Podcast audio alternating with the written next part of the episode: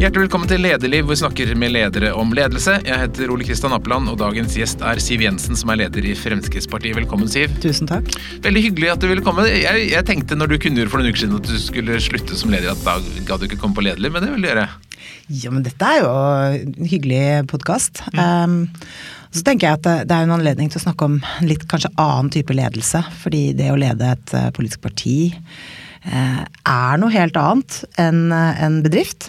Selv om det handler om mennesker begge steder, så er det nå engang sånn at uh, i en uh, bedrift så har man uh, en arbeidsmiljølov å forholde seg til, og virkemidler og sanksjoner.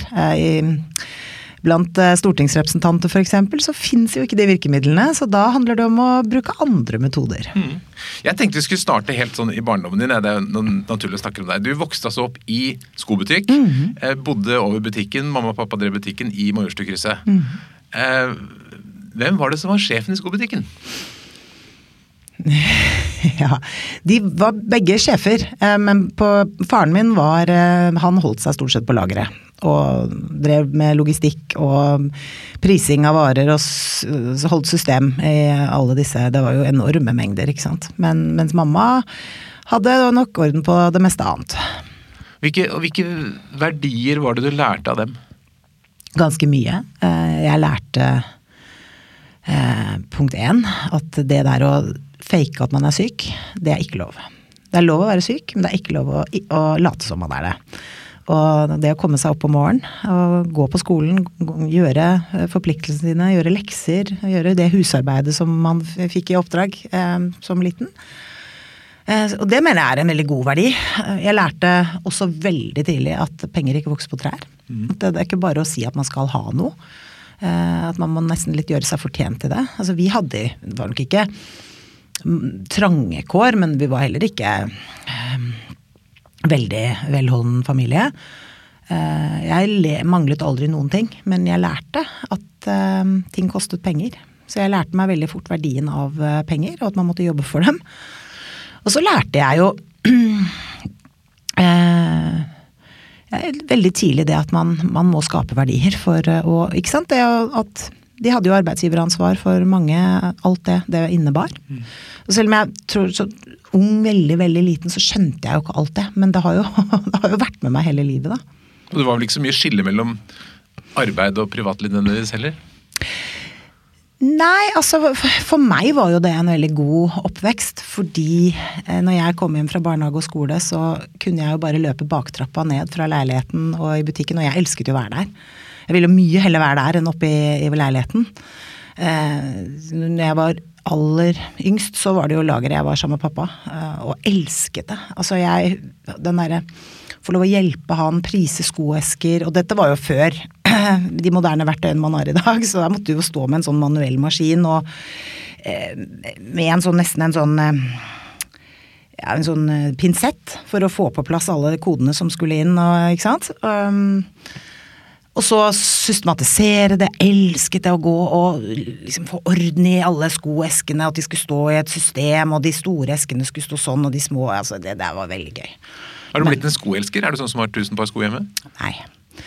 Nei, jeg, altså jeg vet ikke. Ehm, jeg har egentlig aldri vært så opptatt av sko. Jeg, eh, jeg syns jo fine sko er bra, men jeg går ikke amok og kjøper eh, Jeg har noen par som jeg aldri har brukt, det skal jeg innrømme, men, jeg så, men det er mest fordi de ikke er noe gode. men nei, det er vel litt den derre skomakerens uh, barn. Mm. Ja.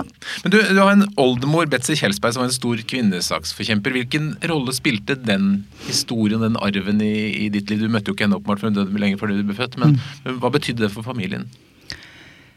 Hele familien har jo vært veldig stolt av eh, det hun utrettet. Det er klart Hun var jo en foregangskvinne for eh, dagens kvinner eh, og generasjonene før. Fordi hun hun turte å gjøre ting som ingen andre turte. Eh, bare noe så trivielt i dag som å gå med bukser. Mm -hmm. Det gikk hun foran på. Hun var Norges første kvinnelige fabrikkinspektør. Så hun gikk foran på veldig mange områder og slo hånda i bordet og sa sin hjertens mening på alt. Og det har jeg i hvert fall vært veldig stolt av. Men lå det da en slags forventning at du også skulle bli noe stort? Nei, altså Vi har aldri Altså Det mine foreldre alltid sa til meg, det var at jeg skulle realisere mine drømmer. Eh, og bli best på det jeg kunne, mm. hva enn det nå måtte være. Så de har aldri fått noen sånn eh, kravliste som jeg skal eh, levere og innfri på. Det, liksom, det var, de var veldig opptatt av at jeg skulle gå på skolen og gjøre mitt beste. Um, og så var det nok sånn at eh, faren min var over gjennomsnittet opptatt av sånn matematikk og eh, fysikk og, de, sånn realfagene. Mamma var ikke akkurat veldig sterk der, vil jeg si. Um, så når jeg hadde med meg vanskelige matematikkoppgaver hjem, så elsket jo han å sette seg ned med meg og holde på med det. Han lærte meg å spille sjakk. Altså, han lærte meg liksom alle sine type logiske ting. Mamma var jo ikke i nærheten av å være opptatt av sånt. Det er en bra kombinasjon da, for litt av hver. Ja, altså mamma er veldig følelsesstyrt. Uh, faren min er mye mer sånn eh, eh, saklig, resonnerte seg frem til ting. Eh, alt hadde konsekvenser. Så jeg lærte liksom begge deler, da. Så bra. Når var det du første gang skjønte at du var en leder? Var du i elevrådet på Marienlyst skole f.eks.? Å ja da. Ja. Det var jeg. Eh, nei, jeg, jeg vet ikke jeg, jeg Jeg tror kanskje ikke jeg tenkte over det på den måten, men jeg jeg har aldri vært redd for å si det jeg mener. Jeg har heller aldri vært redd for å stå opp hvis jeg mener at eh, Som forhold til mobbing, da. Som alle barn opplever på skolen. Så hvis jeg så andre ble mobbet, så gikk jeg imellom. Uh, syns ingenting om det. Um, tok alltid ordet i, i timene. Um, så jeg, jeg var jo aldri egentlig redd for å ytre meg, i hvert fall. Og så kom du inn i politikk, starta med Unge Høyre. Hvordan skjedde det? Nei, Unge Høyre har jeg egentlig ikke noe karriere i. Jeg Nei. var på et møte i okay. Unge Høyre, og så fant jeg veldig fort ut at det var ikke helt der jeg hørte hjemme. Men jeg var jo altså, jeg var interessert i, i samfunnsspørsmål ganske tidlig. Vi hadde jo eh, liksom en Klassens time, eksempel, hvor vi drøftet veldig mange sånne spørsmål, uten at det nødvendigvis var politikk. Um, og da merket jeg jo Uh, at jeg fikk bryne meg på et par andre jenter i klassen som også var veldig taleføre, men vi, vi var åpenbart ikke enige. Uh, vi hadde helt ulik tilnærming til hvordan vi skulle løse problemer i et samfunn. Så da våknet jo et engasjement, selv om jeg nok da ikke forsto uh, at det handlet om politikk. Det kom nok litt senere. Det kom litt senere. Ja. Vi skal snakke mer om politikk, selvfølgelig, men, men du, du utdannet deg til diplomøkonom. Mm. Tenkte du noen gang da at du skulle bli finansminister? Nei. Det var, jeg tenkte ikke engang at jeg skulle være aktiv politiker. Jeg hadde helt andre planer. Ja. Eh, Jeg tror jeg gikk da svanger med masse sånne løse ideer om å starte min egen bedrift, eh, uten at jeg hadde helt klart for meg hva det skulle være. Så nei, jeg hadde helt andre planer enn å, enn å skulle vie livet mitt til politikken, gitt. Også inn som selger i Radio 1. Ja. Og det, det var jo det, da var Radio 1 stort. Ja, men det var også eh, en utrolig krevende tid. Ja. Eh, da jeg var nyutdannet, eh, så hadde vi jo skyhøy arbeidsledighet. Eh, Vi hadde jo de høyeste rentene vi noensinne har hatt, tror jeg, i landet. Det var veldig, veldig vanskelige tider. Eh, hvilket også betød at nyutdannede hadde jo ingen sjanse i arbeidsmarkedet på det tidspunktet. Um, så da måtte man på en måte, altså skulle han hun leve av, så må være om å gjøre å ikke være særlig kravstor. Um, jeg begynte da som selger på provisjon, og det er beinhardt altså for Ja, de som ikke har prøvd det. Men det er jo en, eh, en eh, lærerik opplevelse å skulle hele tiden du, eneste, du sover dårlig om natta. ikke sant? Jeg må, I morgen må jeg ha så og så mye salg, for ellers så klarer jeg ikke å betale regningene mine. Og jeg hadde jo, var midt oppi det der og kjøpte leilighet, og bare det å få lån Jeg tenker jo på dagens unge også, som, som sliter i i et veldig hett boligmarked. Men um, jeg har jo sagt mange ganger at eh, boligmarkedet har alltid vært vanskelig når man skal inn i det første gang. Men eh, lærte du noe i den salgsjobben som du har tatt med deg videre når du skulle selge politiske budskap? Ja, det er egentlig veldig mye av det samme. Men eh, den viktigste lærdommen er jo at du skal ikke lyve. Eh, enten du skal selge et produkt, eller du skal selge en, eh, opp, en idé, eh, så må du være ærlig, og det må være ekte. Eh, det å fake eh, verdien av en, eh, en radioreklame f.eks., ikke spesielt lurt, for da får du i hvert fall ikke noe resalg. Du kunne kanskje lure noen til å kjøpe en reklame, men de kom ikke tilbake. Og det som, det som på en måte gjorde noe for for en selger, da, særlig på provisjon, det var jo at du fikk gode kunder som kom igjen og igjen og igjen. Men det var jo, Jeg husker Radio fra den tiden. Det var jo stort. Og Bjørn Forlund og Mm. Ja, Jørgen ja. Slips. Ja, ja, ja, det var, kjempe, var kjempeartig. Altså, jeg skulle ikke vært den opplevelsen foruten, men det er jo klart at eh, etter at jeg hadde jobbet en stund som på, altså utelukkende på provisjon. Og fordi jeg gjorde det bra, så fikk jeg jo til slutt også en eh, en eh, garantilønn eller en basislønn som gjorde at jeg sov litt bedre om natten. Eh, og da solgte jeg faktisk enda bedre etterpå. Ja, En god læring. Og så Fremskrittspartiet, da, som da ble, har blitt din karriere så langt. i hvert fall. Hvordan kom du i kontakt med partiet? Um, gjennom moren min, faktisk. Som hadde um, Tror hun egentlig gikk og kjedet seg sånn på fritiden, og så tenkte hun at kanskje hun skulle prøve ut det litt. Og så hadde jeg akkurat fått sertifikat, og da er man jo villig til å gjøre hva som helst for å få lov å kjøre bil. Så jeg kjørte henne overalt, hentet henne overalt. Og hun syntes jo det var helt topp, selvfølgelig, og da skulle jeg hente henne en gang på et, et sånn ja, lokallagsmøte i, i Oslo. Så ble jeg invitert inn, og så begynte vi å snakke sammen, og så husker jeg at de sa til meg det at du har så mye meninger. Og du er liksom så artikulert. Du kan ikke la Du kan ikke, du kan ikke, ikke bruke det til noe. Og så meldte jeg meg inn i partiet, og så um, var vi i gang, da. Men da fortsatt så, så, var jo egentlig planen min å bare gjøre det litt sånn på sånn frivillig basis. Mm. Med sånn organisasjonsgreie. Jeg hadde fortsatt ikke noe liksom, plan om å stille til valg. Men Hva slags saker var det som engasjerte deg i den tiden? Jeg tror det var mange saker som engasjerte meg. Jeg var, jeg var eh, selvfølgelig veldig opptatt av næringspolitikk, skattepolitikk. Eh, det kommer jo helt fra barnsbena. Men jeg har også vært veldig opptatt av omsorg i, i mange ulike altså For jeg har alltid vært opptatt av mennesker. Og det er jo også en viktig mener jeg noe av det viktigste man må gjøre når man er leder. Det er å tenke på de menneskene man leder. Um, så enten det er eldre mennesker som trenger pleie og omsorg, eller det er uh, mennesker som har ulike utfordringer i livet, rus Så jeg har alltid vært veldig engasjert i å finne gode løsninger for dem som har minst. Samtidig som jeg mener at den beste måten å løse det på i et sånt makroøkonomisk perspektiv, da, eh, ikke er gjennom sosialistisk fordelingspolitikk, men gjennom at man må skape mer. Mm. Da du kom inn i, i, i Oslo-politikken etter hvert med forskjellige verv der, så var det jo eh, fortsatt det var liksom før sosiale medier og sånn. Var det annerledes å være politiker da enn det er nå? Er det, er det tøffere press nå? Det er to helt forskjellige um, verdener, vil jeg si.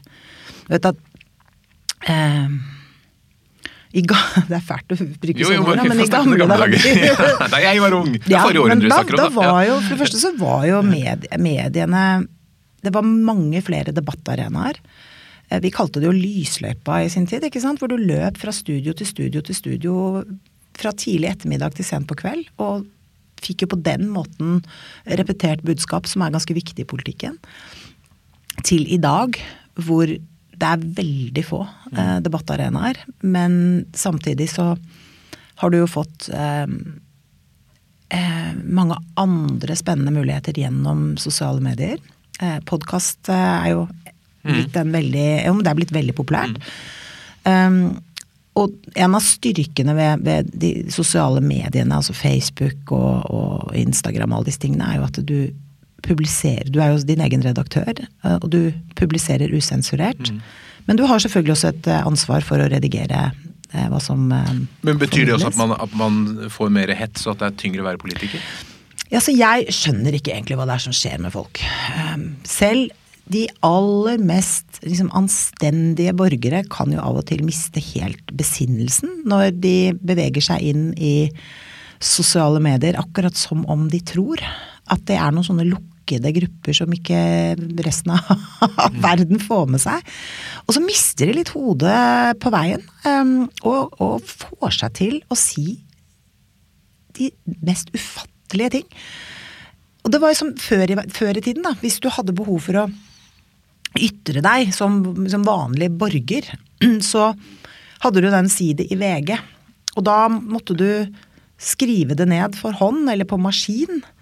Og så hadde du litt tid til å tenke deg om, lese igjennom det, kanskje korrigere litt, og så kunne du jo ikke gå og poste det kanskje før dagen etter, og da hendte det jo sikkert at mange rev det i tusen biter, for tenkte at nei, nei, nei, hva var det jeg tenkte på i går? Det filteret er jo borte. Mm. Nå sitter man jo der, gjerne kanskje litt påseilet, og hamrer løs. Mm. Og da er det ikke noe angreknapp. Du kan selvfølgelig slette det, men hvis noen har uh, tatt skjermdump av det, så ligger det jo der. Leser du mye sånt? Jeg filtrerer det ganske mye, fordi jeg Altså, jeg leser det, men jeg gjør det litt sånn overfladisk. Fordi jeg, jeg orker ikke å la sånne ting gå inn på meg. Så, men det er mer for å få med meg strømninger, stemninger. Eh, hva, er det som, hva er det som beveger seg? Men du kan ikke sitte og, og ta det inn, rett og slett. For mye av det er rett og slett ondskap. Blir du såret av det? Nei. Nei. Nei, men det, det, er en mekanisme jeg har utviklet. Altså, jeg, jeg, jeg, jeg har alltid sagt at de tingene som sårer meg mest, er når ting blir veldig personlig, og det kommer fra mennesker som aldri har møtt deg. Som ikke aner noen ting om hvem du er, og hva du står altså personlig hva du står for. Og som allikevel eh, tillegger deg egenskaper som du ikke har. Det syns jeg er ganske sårende. Og det er jo det jeg kanskje syns er mest bekymringsfullt. Ikke i politikken, men i samfunnet generelt. At eh, unge gutter og jenter som opplever altså For det er jo en helt, en helt annen uh, mobbing. Som er uh, Det er så hardt. Um, og jeg er litt urolig for det, altså fordi det um, Jeg tenkte tidlig, liksom i, i den tidlige fasen av når sosiale medier kom, da tror jeg alle partier brukte ganske mye tid på å, å fortelle sine egne tillitsvalgte, folkevalgte, hva dette var. Og at man måtte vise liksom etikette og litt takt og tone og sånn. For det tok jo helt av, og det var jo masse skandaler. Men, det er, men det er det fortsatt. Mm. Det er egentlig det som er at selv om vi har lært mye, så er det fortsatt sånn at eh, ikke alle klarer å, å styre seg. Um, men vi er jo i det minste vant til altså vi stikker, altså, Når du har stilt til valg, så har du stukket hodet ditt frem. Da må du tåle at du blir um, gjennomlyst. Men det er jo ikke alle som gjør det. Altså, det er jo helt på privaten så, så får man jo slengt ting etter seg som jeg mener folk burde holde seg for god til. Opplever du det frustrerende at folk har gjort seg opp en mening om Fremskrittspartiet og deg, og egentlig ikke hører på hva du sier, for de bare kjører på fra fordommene sine? Nei, men de gjør jo det. Altså, jeg tror ikke man skal prøve å sette eh, seg inn i noen sånn offerrolle for det, for jeg tror alle opplever, alle opplever dette. Altså, ta et eksempel da, som jeg syns er noe av det mest groteske jeg har sett. Eh, og det var da Lan Marie Berg eh, offentliggjorde på Facebook at hun var gravid. Um, den hetsen som hun fikk, den Jeg må si det opprørte meg inderlig. Og jeg tok jo til motmæle og forsvarte henne. Fordi det er veldig lite i denne verden jeg er enig med Lan Marie Berge, rent politisk. Men å komme med den type oppgulp som hun fikk, eh, og, og den hetsen som til og med skjedde mot hennes ufødte barn, altså det, det får være grenser. Og da tok jeg henne i forsvar. Og jeg mener at vi må gjøre mye mer av det, for, nettopp for å kunne ha en god samfunnsdebatt. Altså, vi, må ikke, vi må ikke komme i en situasjon hvor samfunnsdebatten forvitrer fordi man ikke tør. Eh, meningsbrytninger, eh, ulike synspunkter. Det er jo helt fantastisk. Det er jo helt, helt grunnleggende i vårt demokrati. Men da må vi jo hegne om det. Og den beste måten å gjøre det på, er å rydde unna ting som ikke hører hjemme i ordskiftet. Men tenker du at flere burde straffes for det?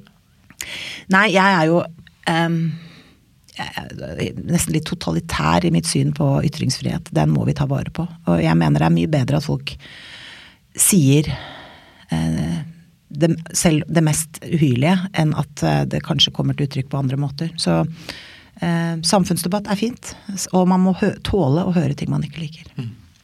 Du, du, kom jo da etter hvert inn på Stortinget, og du kom under eh, Carl I. Hagens vinger, for å bruke det uttrykket. Mm. Uh, han var jo en, en kjempe. altså Ledet jo partiet i 30 år. Hva var suksessfaktoren hans som leder? Hva var det som gjorde han til en god partileder? Nei, altså han, han var jo, hva skal man kalle det, da, en, en, gründer i den forstand at han eh, han satte jo i gang veldig mange prosjekter, men var flink også til å, å eh, sette flinke folk på å strukturere det. For han var nok ikke så god på det selv. Men han hadde jo en nese for hva som rørte seg i samfunnet. Fanget jo veldig tidlig opp eh, strømninger og bevegelser som gjorde at vi raskt kom på ballen, men dog forankret i, i, i Fremskrittspartiets ideologi hele veien.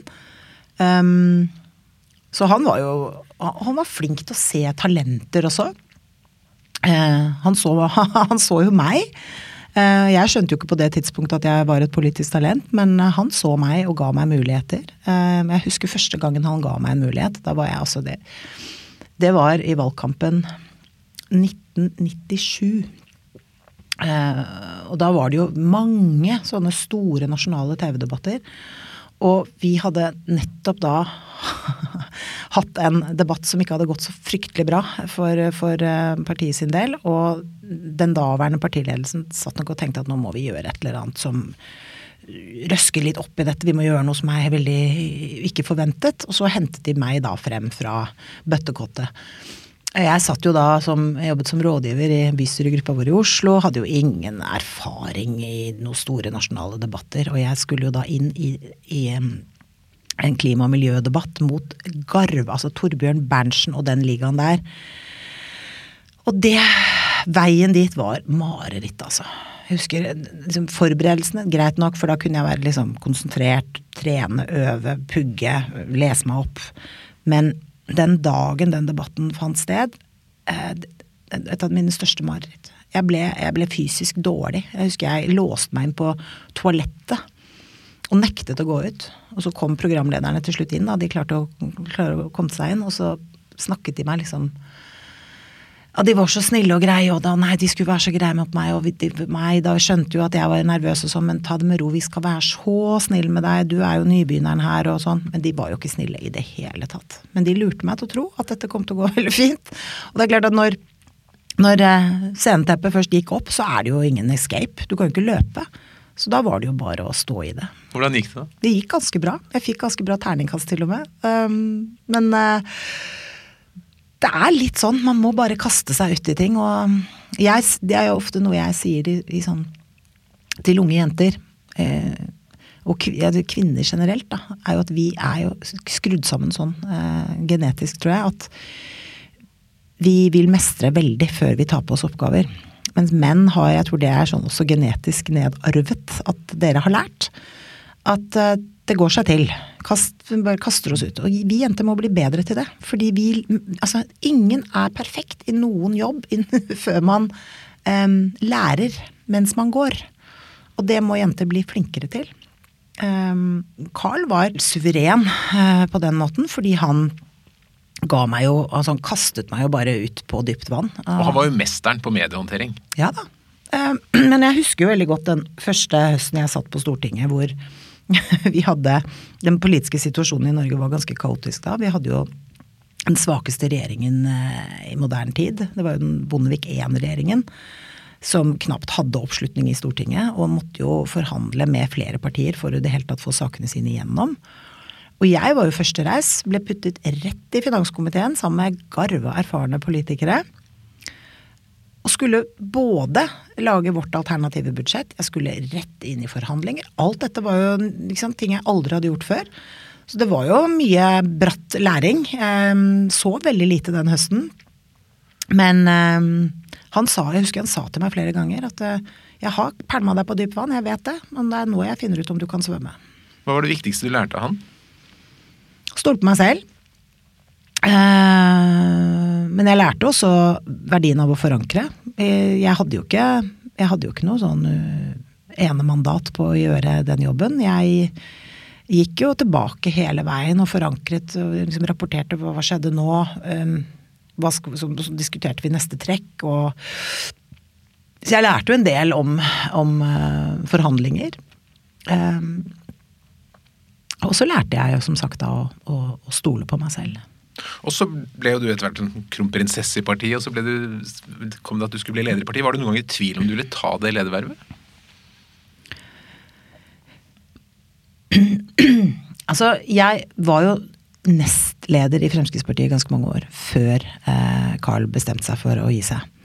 Så jeg hadde jo hatt ganske mange år på på en måte å eh, sitte i ledelse, selv om jeg jeg visste jo veldig godt at det er forskjell på å være nestleder og leder, fordi det er litt mer ensomt å være leder. Um, fordi du har på en måte den tunge jobben med å skjære igjennom um, når liksom, Nå er vi ferdig med debatt, folkens. Nå skal vi Men nei, jeg, jeg følte vel at jeg, jeg, var ganske godt forberedt på å kunne gjøre det, men at jeg, at jeg var litt eh, skremt, spent, forventningsfull. Det var mye følelser eh, den, de dagene hvor, jeg, hvor dette skiftet faktisk skjedde. 15 år siden. Ja. Men hadde du da når du tok det vervet en tanke om at nå skal jeg gjøre noe annerledes, nå blir det Siv, nå skal det ikke være Carl? Var det noe, sånn, noe du ville forandre i lederstil? Altså, jeg, jeg sa jo veldig tydelig ifra om at jeg ville ikke være en dårlig kopi av Carl I. Hagen. For jeg kunne aldri bli han. Jeg måtte være meg. Uh, og alle de der flosklene om å ha på seg for store sko eller alt det der. Jeg orket ikke, orket ikke det der. Jeg, jeg, hadde på meg mine sko uh, og måtte gjøre ting på min måte. Hadde du noen forbilder, noen du tenkte du da ville bli som? Ja, Kanskje oldemoren din, kanskje Carl I. Hagen, men er det andre politiske ledere som har inspirert deg? Ja, det har jo vært mange store politikere, men, men eh, jeg har jo nok blitt inspirert av de mer i utøvelsen av altså type president, statsminister. altså Margaret Thatcher for eksempel, mener jo jeg er et ikon. Um, hun var jo steintøff, og hun fikk jo til enormt mye politisk. Uh, men hvordan hun var som leder, aner jeg jo ingenting om. Um, jeg så jo også veldig opp til Ronald Reagan. Um, men, men, det er liksom det er, Det å være leder for et politisk parti er jo ganske mangeslungent, da. Fordi du er jo eh, det fremste ansiktet utad i alle politiske debatter. Men så har du jo lederansvaret internt i en organisasjon også. Du skal bygge eller videreutvikle en organisasjon. Jobbe med organisatoriske ting. Skolering, medlemsutvikling. Um, du skal se talenter, utvikle dem, rekruttere, um, motivere. Um, løse konflikter. lage kompromisser. få Og kanskje Jeg vet ikke om Det er sikkert utfordrende i alle partier, men Fremskrittspartiet er jo en gjeng med sterke individualister. Det er nok ikke det enkleste partiet å lede? Nei, for at du skal fra tid til annen få alle de individualistene til å gå i takt. Og det er jo en genfeil, da. Man vil jo ikke gå i takt når man er individualist. Men det må jo være et dilemma, for du har jo da fått inn eh, medlemmer og, og tillitsvalgte lokalt i partiet som du på en måte da er eh, skal fronte og være lojale med. Samtidig så skjer det sikkert ting der som du ikke helt er komfortabel med. Så hvordan, hvordan håndterer du det når deler av din egen organisasjon oppfører seg på en måte som du ikke liker? Hvordan håndterer man sånt? Nei, men altså, Sånn er det jo i alle organisasjoner. Så Det er jo ikke noe spe spesielt for Fremskrittspartiet. Eh, men det handler jo om å ta tak i det. Eh, å ha eh, strukturer, vedtekter, reglement som man kan slå i bordet med og si at liksom, hit, men ikke lenger. Enten så innordner man seg etter dette, eller så får man rett og slett finne noe annet å gjøre. Men veien dit handler jo om å forsøke å løse konflikter og komme til minnelige eh, løsninger. Og som regel går jo det bra, men ikke alltid. Og da må man jo ta av silkehanskene, da. Og, og er du rask til å gi deg på telefonen og, og korrigere folk? Periodevis veldig. Mm. Um, fordi det er helt nødvendig. Men så er det jo litt sånn at um, man skal jo være forsiktig med å kappe huet av folk òg uh, eh, hvis de gjør en feil. Fordi at jeg har jo alltid sagt at altså vi lever av å få politikken frem i lyset. Liksom skape debatt. Um, og jeg har vel alltid sagt at hvis, hvis du har liksom ti utspill, og åtte er bra, så er det viktigere å rose de åtte gode enn å æresskjelle de to dårlige. Og det er ikke alltid lett. Uh, og er, sånne ting blir ofte også vanskelig hvis det går litt trått. Så man butter litt imot, har litt dårlige målinger og sånn, så blir man veldig ofte uh, blir ofte en organisasjon mer opptatt av å kritisere enn av å rose. Men det er jo særlig da uh, at det er viktig å bevare roen og um, fokusere på de positive tingene. For det er slik at stemningen i partiet det følger på en måte meningsmåling i så grad?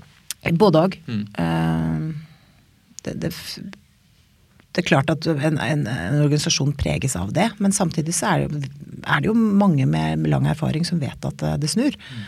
Det går opp og ned. Uh, og det er jo nettopp når det butter litt, at man må klare å tenke langsiktig og være positiv og gi på. For det, det, er ingenting som gir seg selv. Men de menneskene rundt deg, en- del blir jo å si, kan du ikke velge, for de blir, de blir valgt frem på ulike måter. Og så er det noen du kan ansette og styre. Sånn. Hva, slags, hva er det du ser etter når du, når du plukker gode mennesker som skal styrke deg? Først og fremst eh, at de har eh, ulike kvalifikasjoner. Og jeg mener jo at det dummeste en leder gjør, er å bare omgi seg med ja-mennesker. Altså, man skal oppgi, ha lojale medarbeidere, for all del, men hva er det å være lojal? Er det å degge med sjefen, alltid si det man tror at sjefen vil høre, eller er det å si sin oppriktige mening? Og jeg mener at det er det siste som gjelder, da. For det er jo det som gir brytninger. Altså det å kunne sette seg rundt et bord med medarbeidere som du stoler på, og bryne meninger. Det er på den måten man kommer frem til de gode løsningene. Altså ikke sitte og tro at du, at du er den eneste forvalteren av sannheten. Um, uh, og så er det noe med å gi folk sjanser, da. Um, ingen er en perfekt politiker fra fødselen av. Um, ingen er en perfekt rådgiver fra starten av. Alle blir det underveis, men de må få muligheten til å utvikle seg, og da handler det om å tørre å delegere. Um, det er litt den der Carl I. Hagen-metoden om å kaste folk litt på dypt vann. Altså, jeg tror veldig på det. Men du må jo liksom veilede uh, og hanke inn, men gi folk sjanser. Har du noen gode teknikker for å klare liksom, å samle mange ulike meninger inn til en enighet? Det er jo ikke være redd for debatt. Altså la, la debattene gå. Men så er det jo liksom, Hvor lenge skal den debatten gå før du oppsummerer? For det er jo litt det jeg sier. Nå, som lar alle få si det de har på, på hjertet. Og så si at ja, nå, siste innlegg, nå skal jeg oppsummere. Mm. Og da blir det sånn. Eh, Partilederjobben er i veldig stor grad en kommunikasjonsjobb. Mm. Det skal sette et program og skal si et budskap. Hva er erfaringene dine med liksom hvor konsistent og langvarig og mange ganger må du si det samme videre for å nå frem med noe? Veldig mange. Og det er jo blitt vanskeligere i, eh, i, i disse dager, fordi medie, altså nyhetsbildet endrer seg så kjempefort. Altså det er jo De første valgkampene jeg var med i, så kunne de samme sakene leve kjempelenge. Fordi det var jo ikke Det, det kom jo ikke noe Det var ikke digitale nyheter. Det var trykk på trykk, eller radio, eller TV. Um, det tok veldig lang tid fra du på en måte hadde et utspill, til det spredde seg, og til responsen kom fra uh, konkurrenter og motstandere. Nå er det jo ikke sånn. Nå beveger det seg jo med et, en kjempefart som gjør at en, når det er på sitt mest hektiske, så, så er jo mediebildet et helt annet på kvelden enn det er på morgenen, selv om vi akkurat nå har en unntakstilstand fordi alt handler om uh, covid-19. Mm -hmm. um, og det er jo en utfordring også, fordi det holder ikke lenger med et godt oppslag i VG, så sprer det seg på en måte, og så varer det. Det forsvinner. Så, det betyr at dere må produsere mye flere utspill, egentlig? Ja, eller i hvert fall jobbe eh, mye mer systematisk for å få gjentatt et budskap. Eh, og det er mange måter å gjøre det på, men, men, og ikke minst i god kombinasjon med sosiale medier. Um, å finne ut hvordan du skal eh, bruke sosiale medier for at eh, det skal få mest mulig spredning. For det er jo ikke alle saker som sprer seg like godt. Eh, det handler jo om bruk av grafikk og eh, visualisere ting. og det er jo litt sånn Partiene jobber nok ganske mye med det nå. Mm. Så har du forskjellige sånn, partislagord og valgkampslagord. og sånn. Hvis du tenker tilbake, hva, er, hva føler du at dere har lykkes spesielt godt med sånn kommunikasjonsmessig?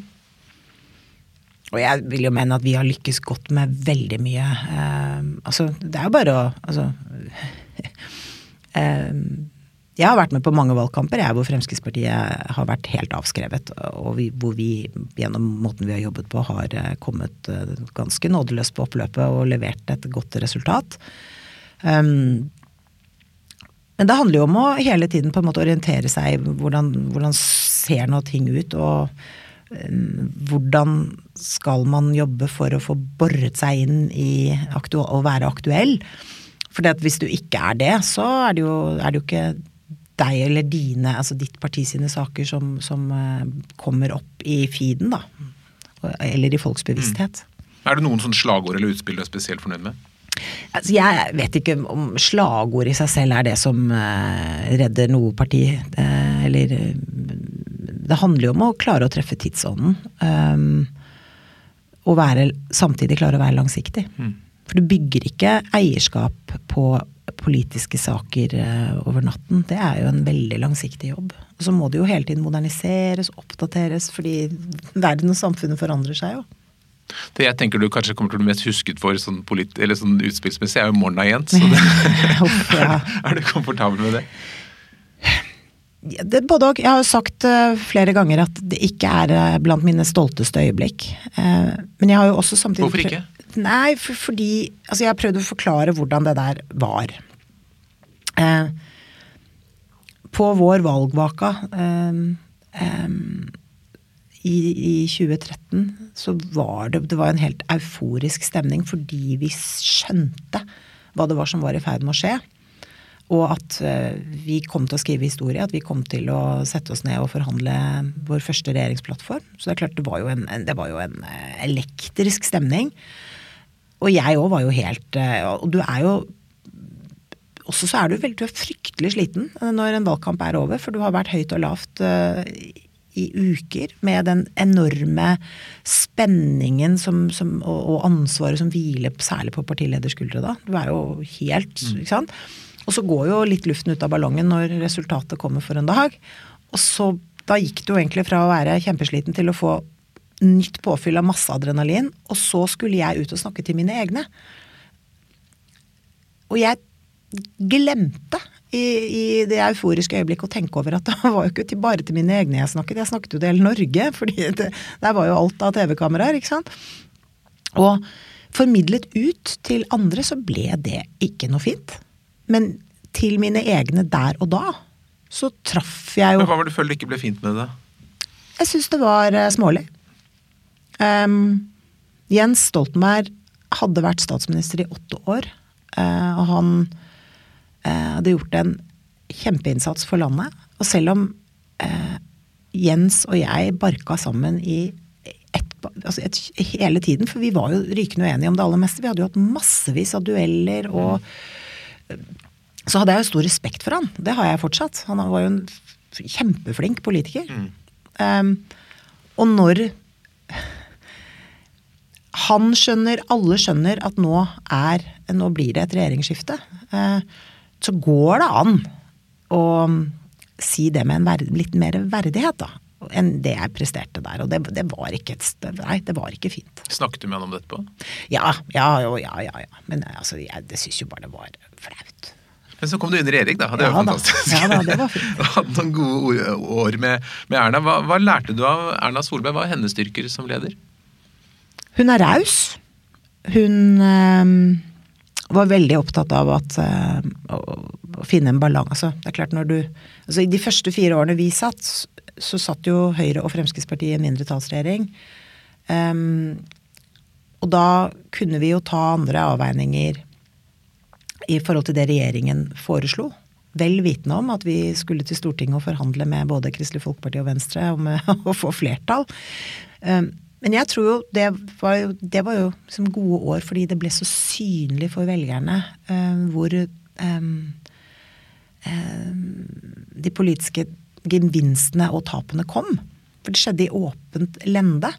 I det øyeblikket man gikk inn i en flertallsregjering, så skjedde jo all all dragkamp mellom partiene på kammerset, og det ble ikke så synlig for velgerne. Og det, når jeg da Som begrunnelse også for at vi gikk ut av regjering, hvor jeg har sagt veldig tydelig at det ble for grått, det ble for kjedelig, så mener jeg veldig det. Fordi det var ikke, det var ikke mulig, tror jeg, for velgerne å få øye på eh, de, de, de, rene politiske gjennomslagene. Alt ble litt sånne gjenkjennelige kompromisser som ikke begeistret en eneste velger, tror jeg. Hva er du mest fornøyd med som, av det dere fikk til i regjering? Og den listen er ganske lang. Jeg tror jo det er noe å være Altså, en skatteprosent kan gå opp og ned, men det er de tingene som blir stående igjen etter deg. Eh, eh, jeg kan ta et eksempel som, som, jeg mener er veldig bra, og som kommer til å få mye oppmerksomhet nå fremover. er jo Nye Veier. En helt ny måte å eh, bygge eh, motorveier i Norge på det endret jo dramatisk på tempo på, på, pris per kilometer bygd vei. Man sparer jo skattebetalerne for eh, milliarder av kroner, som enten kan brukes til mer vei eller til andre viktige formål i samfunnet. Og det har jo også ført til at resten av anleggsbransjen har eh, måttet tenke helt nytt, ikke minst Statens vegvesen. Eh, som nå ledes av hun som ledet Nye Veier. Mm. Eh, det er ganske interessant. Og nå hører jeg jo eh, at eh, samferdselsminister Hareide nå snakker om at eh, Nye Veier skal få i oppgave å bygge tog, eller tog, togskinner. Mm.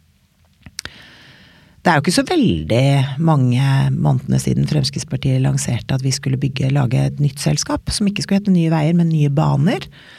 Um, så jeg syns jo det er uh, interessant at det har steget inn hos uh, den sittende regjering. Uh, jeg mener det er bra. Fordi det å utfordre liksom, etablerte måter å gjøre ting på, gir en sånn positiv disrupsjon, da. Um, og sånne ting er jeg veldig fornøyd med at vi, vi fikk til. Um, for det blir, kommer til å bli stående. Uh, vi gjennomførte ganske mange viktige reformer, både på velferdsområdet. altså uh, Brukerstyrt personlig assistent. Mm. Kjempeviktig for dem det angår. Altså Som gir folk meningsfulle liv. Um, ved at de får litt eh, hjelp i hverdagen. Og det var jo ikke en rettighet man hadde før vi gjenførte den. Men så tok du da til slutt i, i januar i fjor den tøffe beslutningen om å ta partiet ut av regjering. Hvordan jobbet du for å ta den beslutningen? Det kan ikke være sånn du bare finner på i en fei? Nei, det var på ingen måte noe jeg fant på i en fei. Eh, men det var, eh, altså, det var helt riktig å gjøre det. Um, jeg hadde advart eh, Erna ganske lenge i forkant og sagt at nå må du endre på beslutningsprosessene, for dette, går ikke mer. Um, men hun hørte ikke på meg. Uh, så det, det, skortet ikke på advarsler. Men involverte du mange andre i partiet også i diskusjonene? Ja, vi hadde jo Altså dette var en forankret uh, beslutning. Um, men det var jo jeg som um, liksom trakk den konklusjonen at nå, må, nå, nå går ikke dette lenger, uh, og anbefalte partiet. altså landsstyret, som da er det organet som beslutter det hos oss og eh, støtte min anbefaling. Og det gjorde landsstyret. Eh, noen med litt tungt hjerte, men de fleste var med veldig lett hjerte. Men alle var enige om at det, det kunne ikke fortsette mer. Ja, For det er litt vemodig å gå ut av den posisjonen? Ja, men, men for Fremskrittspartiet så har regjeringsdeltakelse alltid vært et virkemiddel og ikke et mål i seg selv eh, hvis, hvis liksom, det der å klamre seg til makten eh, blir viktigere enn hva du utretter, så mener jeg at man har feil fokus. Og nå er du ganske langt nede på meningsmålinger. Mm -hmm. Er det noe av grunnen til at du trekker det? Nei, snarere tvert imot. Um, um, det hadde vært veldig mye enklere for meg å meddele dette hvis um, målingene hadde vært litt bedre. og det var faktisk sånn at jeg tok en ekstra gjennomtenkning av den beslutningen nettopp fordi eh, målingene dårlige, er dårlige. Men så vet jeg at det også kan skape ny giv. Eh, og vi, vi, ville få mye oppmerksomhet rundt det faktum at vi skal bytte leder. Eh, og det har vi fått, og det har vi fortsatt. Så jeg mener det har vært bra for partiet. Eh, Uh, uansett hvor uh, altså, Jeg vet jo at det er mange som har veldig sterke følelser i forhold til dette. Og det er klart det er for mange et, for, for, veldig mange så, så, de kjenner ikke noe annet enn Fremskrittspartiet ledet av meg. Um, på samme måte som vi, de aller fleste av oss ikke kjente noe annet Fremskrittspartiet enn et parti ledet av Carl I. Hagen. Mm. Men jeg vet, altså det, det, er litt sånn floskel det òg. Altså, kirkegården er full av uerstattelige folk livet går videre. Partipolitikken går videre. Fremskrittspartiet kommer til å gå videre. Um, og jeg kommer til å gå videre. Men jeg må gjøre noe annet uh, enn det jeg har brukt de siste ja, 25 årene av livet mitt på. Um, for da får jeg ut den kraften og energien som bor i meg. Uh, men, men, det du snakker om nå med, med å være optimistisk, sånn, sånn, må jo vi ledere alltid være. En ledersjef må alltid være den som sier at dette går bra. dette går bra. Sånn. Men du har vel noen ganger du tenker at dette her går ikke så bra? Å ja. Altså man må jo, man må jo være, ha, ha, en realistisk tilnærming til hver dag, men samtidig så er Jeg har i hvert fall alltid vært sånn at um, Du klarer ikke å fake begeistring.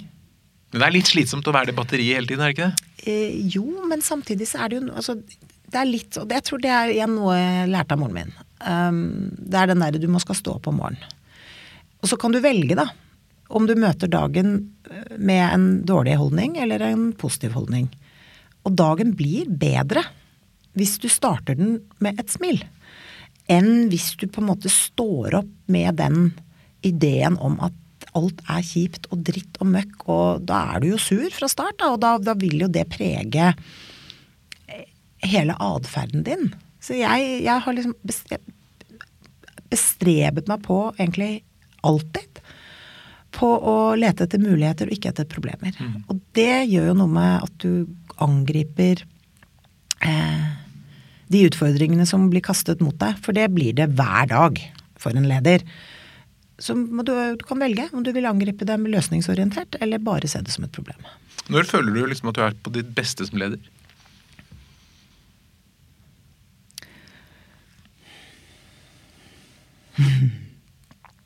Det er et vanskelig spørsmål å svare på, fordi at eh, jeg har ledet i si, gode og dårlige eh, tider med, med masse utfordringer, masse organisatoriske problemer, eh, hvor, hvor en del type personkonflikter har overskygget ethvert forsøk på å, å diskutere politikk. Um, til at alt bare flyter og er helt fantastisk. Og det er gøy, det. Men um, hvis det er sånn for lenge, så glemmer du jo å holde garden oppe i, for å um, fendre av eh, ting som naturlig oppstår i en stor organisasjon. Altså, sånn er det, og det, det tror jeg man bare må avfinne seg med når man leder um, store organisasjoner. De består av mennesker. Men når er du liksom sier, klapper deg selv på skulderen og sier den klarte du bra, si, hvilke situasjoner er det du føler at du lykkes godt i? Jeg prøver, å, jeg prøver å klappe meg selv på skulderen eh, ganske ofte. Fordi det er ikke noe søndagsskole. eh, og det er hard jobb. Det er eh, Det er ikke sånn at du går på jobben klokka åtte, og så er du ferdig klokka fire. Den er med deg hele tiden. Enten du har ferie eller helg eller natt, for den saks skyld. Altså, du må alltid være forberedt på at det skjer et eller annet som du ikke mm, forutså da du gikk og la deg på kvelden. Og da må du være liksom åpen for ok. Og og hvis du ikke orker å stå i det, da kan du heller ikke lede. Og, og det med å være da sånn, å si, nærmest under angrep og, og sånn hele tiden, hvordan, hvordan har du lært deg å håndtere det? Hvilke, hvilke grep har du lært på prioritering og, og bortvalg av ting? Ja, det har jo vært noe av det som medvirket til at jeg tok beslutningen om å gi meg. At jeg har prioritert bort for mange ting for lenge. Jeg er jo veldig opptatt av familien min, eh, men har litt for mange ganger måttet velge bort eh, øyeblikk som jeg har lyst til å være og dele med familien. Fordi jobben alltid har kommet foran. Og sånn må det være. Og det er nok litt mer ekstremsport da, å være partileder, og kanskje også i kombinasjonen partileder og finansminister, fordi du hviler aldri. Men samtidig så er det sånn at jeg lærte meg veldig fort av å gripe de mulighetene Altså når det var stille, så var jeg veldig flink til å være i det nuet og nyte øyeblikkene, gjøre hyggelige ting. Ja, riktignok så travet jeg rundt alltid med telefonen i lomma, men jeg lærte meg til at det, det er greit. Um, um, så fikk jeg snu meg fort rundt, da, hvis det var behov for det. Men media vil du også gjerne ha privatlivet ditt. Ja. Vil jo ha alt. Hvordan har du tenkt når du har satt grensen? Hvor, hvor har du trukket de grensene på hva du vil dele og ikke dele? Jeg satte den grensen veldig tidlig, eh, og det var at eh, hjemmet mitt er hjemmet mitt, og ikke eh, Og og det er ikke fordi at det er noe sånn veldig eh, hemmelig der, eller ikke tør å vise det frem. Det, er, og det har jo også alltid liksom, Jeg har fått alle de spørsmålene. Hvorfor vil du ikke det? Hvorfor? Men det er bare fordi at et sted må du sette en grense. Altså, når du er liksom offentlig allemannseie eh, nesten hele døgnet, da, så må det være noen soner som bare er dine. Hvor du ikke trenger å tenke på hvordan du ser ut. Erna vant det veldig politisk på å vise frem det rotete hjemmet sitt, da. Absolutt. Men, men hun har tatt sine valg, hun også, i forhold til hvor grensene hennes går. Og jeg har tatt mine. Um, og det er bare et eller annet sted med Så må du ha friplass. Hvor du bare er deg, og ikke trenger å tenke over hva noen mener eller syns, eller hvordan du blir oppfattet. Fordi, og det er liksom sammen med din aller nærmeste familie, de nærmeste vennene. Vet at jeg kan slappe av, for det er ingen som, eh, som, kommer til å ta et bilde og legge det ut noe sted. Ikke fordi Jeg er jo blitt en gammel dame, så jeg gjør jo ikke så innmari mye sprell lenger. Men det er bare det der å ha fri. Mm. Mm. Nå vil ikke du si hva du Eller du vet jo ikke hva du skal gjøre for noe etterpå, men, men, men, blir det en ledig jobb, tenker du? Aner ikke. Altså jeg, nå er jeg litt der at jeg har egentlig knapt rukket å fordøye eh, de siste ukers hendelser. Og så er det jo noen måneder foran meg, da, hvor jeg Altså, jeg skal jo sitte som partileder til mai. Og jeg har tenkt å gi bånn gass. Altså, jeg er leder til jeg ikke er det lenger. Um, men jeg skal lede på en litt annen måte. Trekke meg litt mer tilbake um, og dytte andre mer frem. Men lede. Um, og så sitter jeg jo på Stortinget til valget er uh, et faktum. Uh, det er sånn uh, norsk lov er. Så jeg har litt tid på meg, da. Mm. Men kan du se for deg at du får en ny jobb som ikke er en lederjobb? Vet du hva, jeg, jeg, er egentlig nå i ferd med å gå inn i den eh, prosessen med meg selv. Tenke, liksom, prøve å identifisere hva Jeg vil nå mer i fasen ta bort ting som jeg ikke vil. Mm. Um, mer enn å låse meg veldig. Altså, jeg er jo litt sånn at hvis jeg, hvis jeg bestemmer meg for at det er det vil jeg, så er det litt dumt, da, hvis ikke den muligheten åpner seg. Så jeg mm. tenker at nå, er, nå handler det om å være litt åpen for å gjøre nye ting. Um, men jeg tror jeg vet en del om hva jeg ikke vil. Hvor distansert fra, fra partiet tenker du at det kommer til å være? Altså, Carl I. Hagen han har jo dukket opp igjen litt sånn i mellomrom. Ja, nei, altså hjertet mitt kommer til å være i Fremskrittspartiet. Og jeg ønsker jo partiet alt godt fremover. Eh, med ny ledelse og nye koster. Um, men jeg vil ikke være et hår i suppa for dem. Altså, nå har jeg gjort tatt min del av uh, Men nå jeg, liksom, jeg leverer nå stafettpinnen fra meg. Da må jeg gjøre det ordentlig. Ikke bare litt. Uh, um, så jeg skal Hvis de ringer meg og spør om en, et råd eller en vurdering, skal jeg mer enn gjerne prøve å gi den. Men så vet jeg jo at, og det må man ikke glemme, at når For at når du står midt oppi dette hele tiden, hver dag, så er du så påkoblet. Du, du har, du har antennene dine på nyhetsbildet, på alt som skjer, alt som beveger seg. Men i det øyeblikket du ikke er der, så får du ikke med deg alt på samme måten. Og da mister du veldig fort helhetsoversikten eh, som du trenger å ha som partileder. Og da er det ikke gitt at jeg vil være den til å gi de aller beste rådene, men jeg skal nå prøve hvis, hvis noen ønsker det. Men jeg vil ikke gå i veien. Hvis du ser tilbake på de 15 årene, da, hva har vært det vanskeligste dilemmaene sånn i lederrollen? Å nei, men de man jeg, De dilemmaene kommer hele tiden. Um, men jeg, jeg, tror fortsatt det der med å ikke mure seg inne og, og Sitte og tvære med, med vanskelige valg helt alene. Du må eh, involvere flere. Um, og gjerne um, Altså med, med mennesker som har litt ulik Som du vet vil komme med litt ulik tilnærming. fordi da er det så veldig mye lettere å trekke konklusjonen eh, til slutt. Har du forandret deg mye den tiden? Jeg har forandret meg veldig mye. Jeg har blitt mye roligere. Jeg er jo i utgangspunktet ganske temperamentsfull. Eh, men det er det vanskelig å få øye på eh, i dag. For jeg har lært å puste med magen og tenke meg litt om. Mm. Helt til slutt, Siv Jensen. Eh, hvis det kommer en ung person til deg og sier jeg vil gjerne bli en god leder, jeg vil bli politisk leder, sånn som deg, hva er de tre viktigste rådene du vil gi? Det aller viktigste er å uh, kaste seg ut i oppgaver som man egentlig ikke kjenner at man mestrer. Fordi du kan lese så mye teori du bare vil, både om ledelse og det meste. Eh, og, og organisasjonspsykologi og sant, mellommenneskelige relasjoner og alt det der. Men du skjønner det egentlig ikke før du står midt oppi det og skal gjøre det i praksis. Så det er det der med å kaste deg ut. Utfordre deg selv, men stol på deg selv. Så følg drømmene dine. Um, fordi at det er jo mye sånn på du, Det er veldig mye karriereveiledning på skolene våre, ikke sant.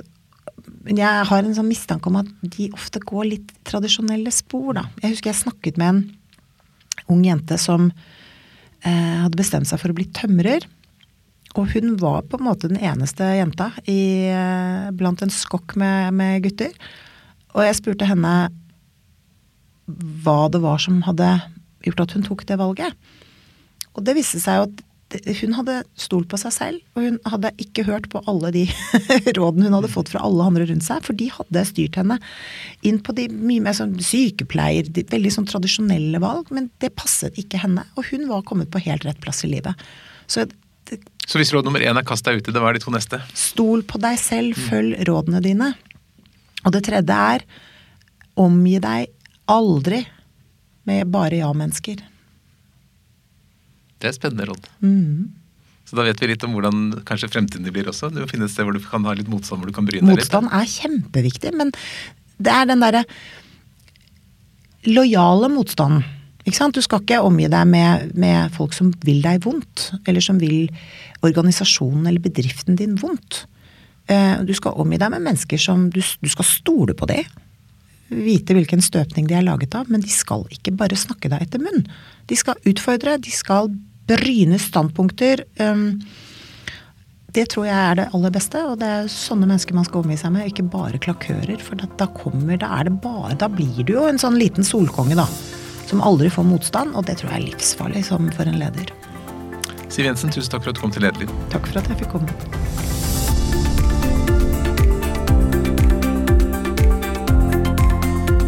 Lederliv er en podkast fra Apeland. Redaksjonen består av Ellen Paulsen, Lars Jarle Melum, Lars Volden og meg, som heter Ole Kristian Apeland. Hvis du vil høre mer, så trykk abonner. Da får du varsel når det kommer nye episoder. Og hvis du har noen tips, så send en e-post til tips at eller til meg, ole at apeland.no. Takk for at du lytter.